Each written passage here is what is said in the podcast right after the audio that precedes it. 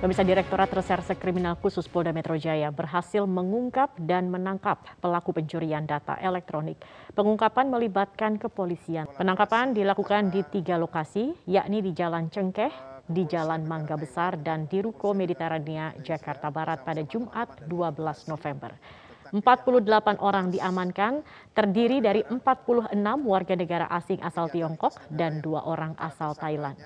Ke-48 orang tersebut melakukan tindakan telekom fraud, yakni penipuan melalui media elektronik yang telah berlangsung sejak Agustus hingga Oktober 2021. Targetnya justru bukan warga Indonesia, melainkan warga negara Taiwan dan Tiongkok. Dari penangkapan, beberapa barang bukti disita, di antaranya 665 unit ponsel, 16 unit laptop, satu unit tab, satu unit komputer, dan uang tunai 26 juta rupiah. Tindakan Telekom Fraud melanggar Undang-Undang ITE dengan ancaman hukuman penjara paling lama 12 tahun dan denda paling banyak 12 miliar rupiah.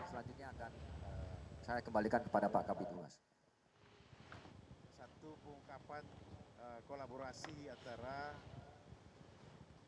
uh, kepolisian negara memiliki di Cina itu ada salah satu aplikasi yang namanya Chinese uh, date dating aplikasi.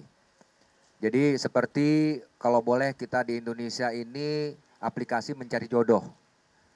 Nah di aplikasi inilah mereka para korbannya mereka mencoba untuk berkenalan dalam mencari jodoh. Kemudian setelah mendekat, setelah dekat, kemudian mereka chatting lebih jauh.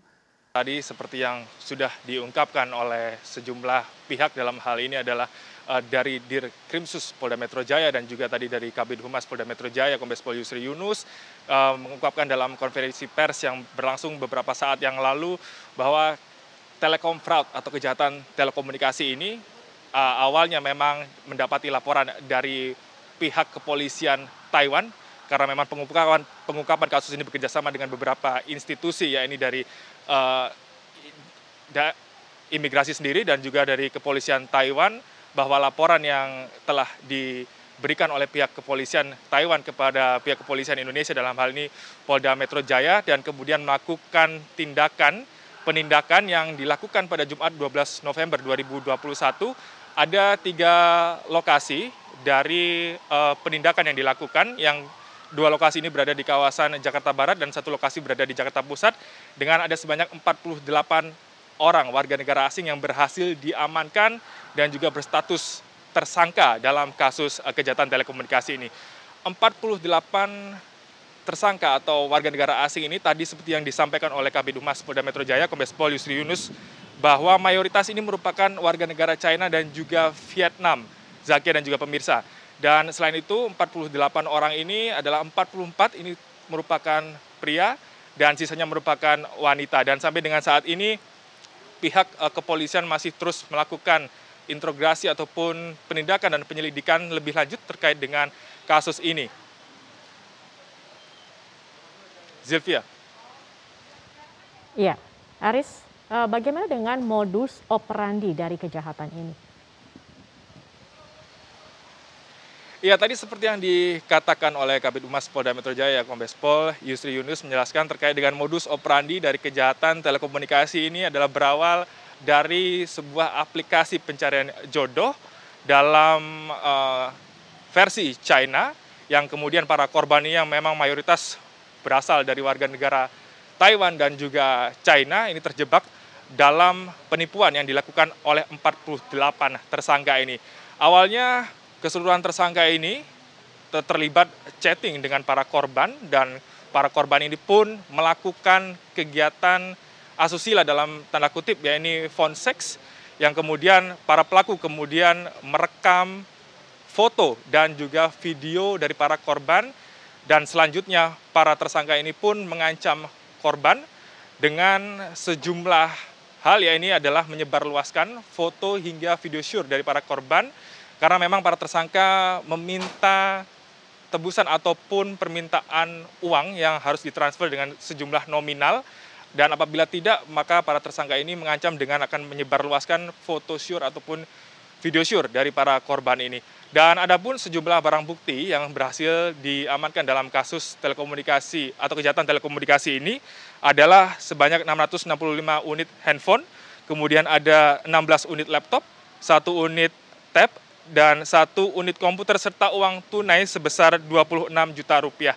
Dan tadi juga dijelaskan dari pihak Polda Metro Jaya menjelaskan bahwa dengan kasus ini maka 48 tersangka ini dijerat dengan sejumlah undang-undang dari ITE dengan ancaman kurungan penjara ini selama 12 tahun paling lama dengan denda paling banyak 12 miliar rupiah. Dekan Fakultas Ilmu Sosial dan Ilmu Politik atau FISIP UNRI diperiksa menggunakan lie detector oleh tim Puslap 4 Mabes Polri.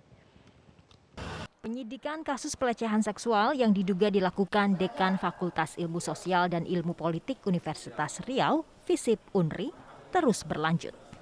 Terlapor, Dekan FISIP UNRI masih diperiksa Polda Riau. Pemeriksaan bahkan menggunakan lie detector atau alat penguji kebohongan dengan mendatangkan tim Puslap 4 Mabes Polri.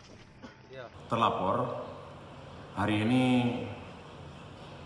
diperiksa oleh tim dari Puslapor Mabes uh, dalam rangka pemeriksaan lie detector. Ini bertujuan untuk mengetahui sejauh mana konsistensi uh, keterangan yang diberikan oleh terlapor. Hingga kini penyidik Polda Riau sudah memeriksa 11 saksi, meliputi korban berinisial L, keluarga korban, teman korban, ketua jurusan, sekretaris jurusan, dan sekretaris terlapor. Pemeriksaan saksi dilakukan di ruang perlindungan perempuan dan anak Direktorat Reserse Kriminal Umum Polda Riau. Melakukan bimbingan fakultas di ruangan dekan fisik Unri Dugaan pelecehan seksual terungkap setelah ada pengakuan korban yang diunggah di akun Instagram Korps Mahasiswa Hubungan Internasional Visip Unri. Korban mengaku mengalami pelecehan seksual saat bimbingan skripsi di ruang dekan. Meski kasus sudah sampai ke penyidikan, polisi belum menetapkan tersangka. Jadi uh, ini ajang yang luar biasa buat Indonesia, uh, perhelatan uh, kejuaraan dunia yang setelah sekian lama tidak pernah ada di Indonesia terjadi lagi di Indonesia. Dan uh, sirkuit sirkuit ini sudah barusan didapat homologasi dari federation dari FIM itu. Dan menurut saya uh, lokasinya di NTB dengan segala pariwisatanya yang luar biasa di sana dengan layout sirkuit yang datar dan uh, very fast corner gitu di sana jadi menurut saya ini akan jadi uh, ajang yang luar biasa lah buat buat Indonesia dan dampak sekitar buat masyarakat di sananya. Baik, Mas Ali sudah ke sana, Mas Ali mungkin sudah menjajal begitu? Belum, ya, Belum. rencana saya tanggal tanggal 19 saya baru sampai di Mandalika uh, okay. waktu kejuaraan Superbike sana. Cuman uh, kayaknya nggak akan jajal, nggak akan cobain sirkuitnya, cuma jadi penonton okay. aja.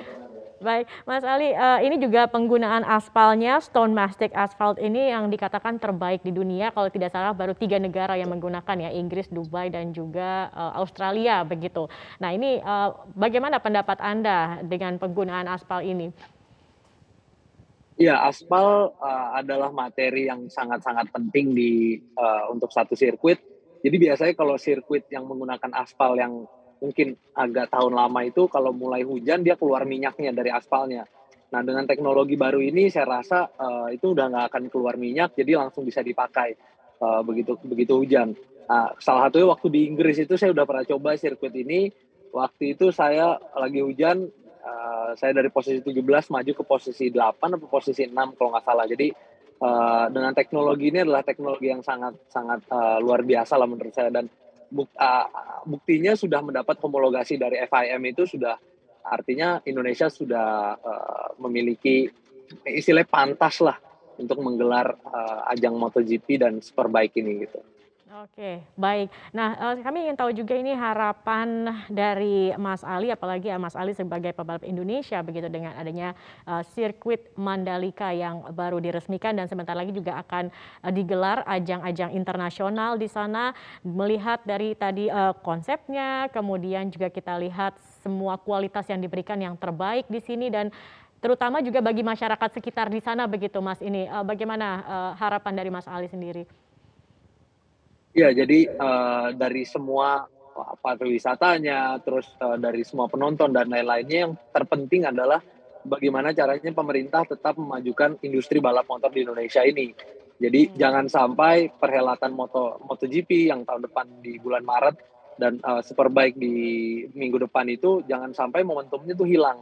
Akhirnya industri balap motor Indonesia uh, pembalap itu pembalapnya itu sendiri tidak tidak terdukung gitu hanya sirkuitnya aja gitu. Jadi uh, harus diperhatikan juga pembalapnya bagaimana bisa sampai di kejuaraan dunia dan bagaimana masyarakat Indonesia yang nonton ke Mandalika itu tidak cuman tepok istilahnya tepokin uh, orang dari negara luar cuman kita harus tepokin dan menyaksikan pembalap Indonesia bisa juara dunia bisa juara satu di di Mandalika. Menurut saya itu aspek yang paling penting. Jadi jangan uh, apa cuman hasilnya cuman ayo dong kita dukung sama-sama dari tim media uh, dari dari semua aspek kita dukung atlet-atlet uh, pembalap Indonesia ini harus bisa uh, ada yang juara dunia lah dari 270 hmm. juta jiwa saya yakin pasti ada yang bisa juara dunia gitu. Jadi menurut saya itu aspek yang paling penting dan itu harapan saya yang uh, terbesar lah Baik, semoga didengar harapannya uh, sore hari ini, Mas Ali. Terima ya. kasih. Jadi jangan hanya sirkuitnya saja yang bagus, tetapi juga para pebalapnya, SDM-nya juga ditingkatkan, diberi support juga Betul. begitu ya, Mas Ali ya, biar bisa juga Betul. menjadi juara di uh, internasional.